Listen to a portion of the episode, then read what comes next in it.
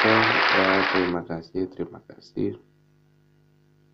Em, kali ini kita mau bahas sesuatu yang lagi rame beberapa minggu ini, yaitu soal pemilihan Amerika Serikat. Kenapa bisa dibilang rame? Karena eh, pemilihan Amerika Serikat ini, pemilihan presiden ya umumnya, itu punya dampak yang besar terhadap perpolitikan dunia sehingga apa siapa pun nanti yang maju sebagai presiden Amerika Serikat itu pasti punya pengaruh terhadap dunia. Karena bisa dibilang kan Amerika itu adalah negara superpower. Ya. dengan superpowernya dia maka eh, dia bisa mengatur apa saja. Ya. termasuk hubungan diplomatis satu negara kemudian perang dan sebagainya. Itu negara adidaya yang mengatur. Nah seperti biasa ya Partai Demokrat dan Republik ya. Karena memang di Amerika ini kan hebatnya adalah mereka hanya apa ya partai yang besarnya hanya dua ya yaitu Demokrat dan Republik. Bukan berarti selain Demokrat dan Republik itu nggak ada ada.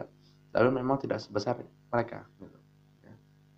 nggak eh, pemilihan di US itu pasti selalu eh, antara Republik dan Demokrat Nah, eh, pada pemilihan kali ini ya seperti seperti biasa Donald Trump sebagai petahana mencalonkan diri kembali ya.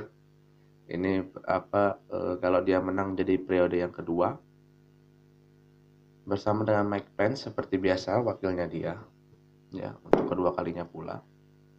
Kemudian dari Partai Demokrat mereka mengajukan Joe Biden ya yang kita ketahui dulu sebagai wakilnya Obama ketika Obama menjabat sebagai presiden AS dari tahun 2008 sampai 2016. Ya. Um, berpasangan dengan uh, Kamala Harris yang dalam beberapa catatan dikatakan bahwa dia aliansinya agak ke kiri. Ya. Walaupun itu memang masih harus dibuktikan. Ya.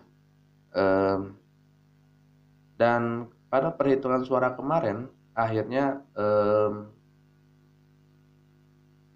Joe Biden memenangkan pemilihan US, pemilihan presiden di US dengan um, suara elektoral sebanyak sebesar 290 dilansir dari Associated Press ya.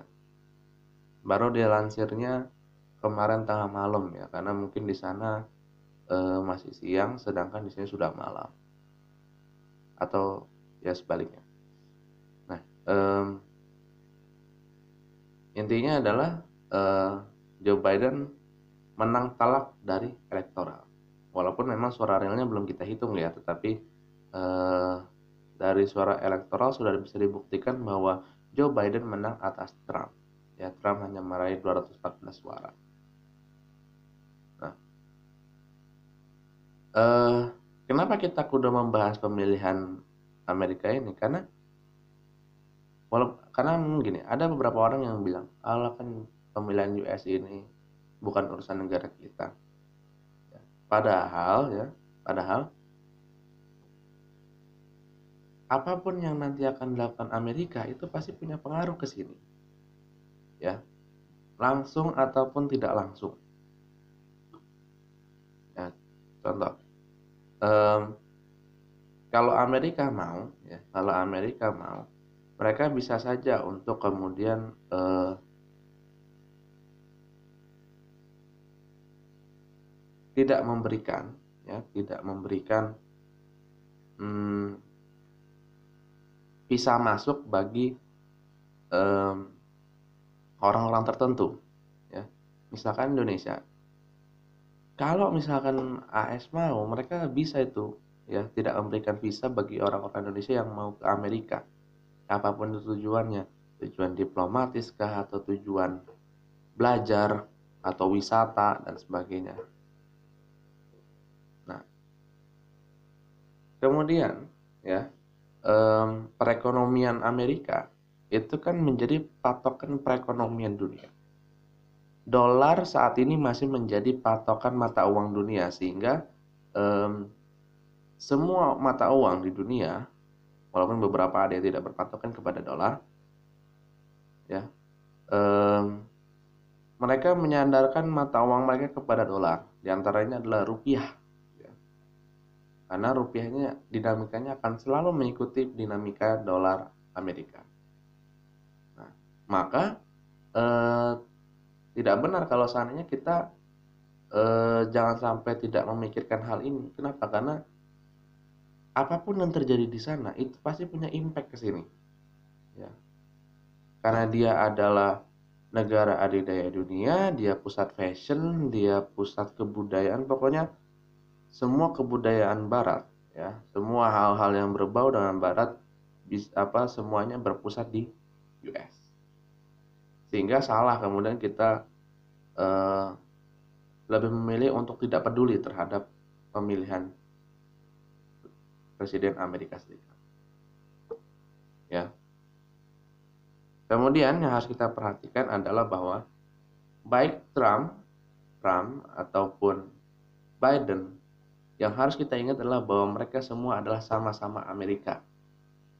Walaupun yang satu bungkusnya Republik, yang satu bungkusnya Demokrat, tetapi tetap yang harus kita ingat adalah bahwa mereka sama-sama Amerika. Ya. Dan bagaimanapun Amerika sebagai negara adidaya itu tetap ya pasti um, mereka tidak akan membiarkan jajahannya itu lepas. Maka eh, kedatangan Mike Pompeo ke Indonesia itu sebetulnya mungkin bisa dibilang adalah untuk menjaga posisi mereka. Karena mereka tahu ya, tawaran Cina itu menggiurkan sekali. Ya. Bagi orang-orang bodoh ya. ampun, ampun, ampun ya. Bagi orang-orang bodoh, tawaran Amerika itu eh, tawaran Cina itu itu menggiurkan sekali sehingga apa sehingga eh, Amerika tidak mau kemudian pengaruhnya terpinggirkan di Asia Pasifik. Ya. Apalagi Indonesia. Indonesia dengan posisinya yang sangat strategis sekali baik itu Asia eh, sekitaran Samudra Hindia ataupun di Samudra Pasifik atau misalkan Australia dan sebagainya maka mereka tidak mau pengaruh mereka di daerah strategis itu hilang dengan kedatangan calon ya calon walaupun memang belum bisa dipastikan apakah China bisa dikatakan sebagai kuasa adidaya baru dengan kekuatan ekonomi mereka yang luar biasa yang intinya adalah bahwa eh, Amerika Serikat tidak mau pengaruhnya hilang di dunia. Maka Mike Pompeo datang ke sini kemarin, ya, datang ke Indonesia. Bahkan datangnya ke GP Ansor, bro. ya sudahlah itu mah urusan lain. Tapi yang intinya adalah bahwa yang harus kita ingat adalah bahwa mereka sama-sama Amerika. Amerika sendiri adalah negara penjajah, ya. dan berapa banyak ya Berapa banyak orang yang harus meranggang nyawa, yang harus kehilangan keluarganya, yang harus kehilangan harta bendanya, di mana mereka harus menyaksikan hal-hal yang kemudian tidak mereka harapkan, yang mereka tidak uh, yang mem, apa yang tidak menguntungkan mereka yang membuat mereka harus kehilangan segalanya atas nama demokrasi, atas nama kebebasan, atas nama melindungi demokrasi. Ya. Nah. Maka jangan sampai kita sebagai masyarakat, apalagi netizen yang kemudian informasi sangat luas sekali, itu eh,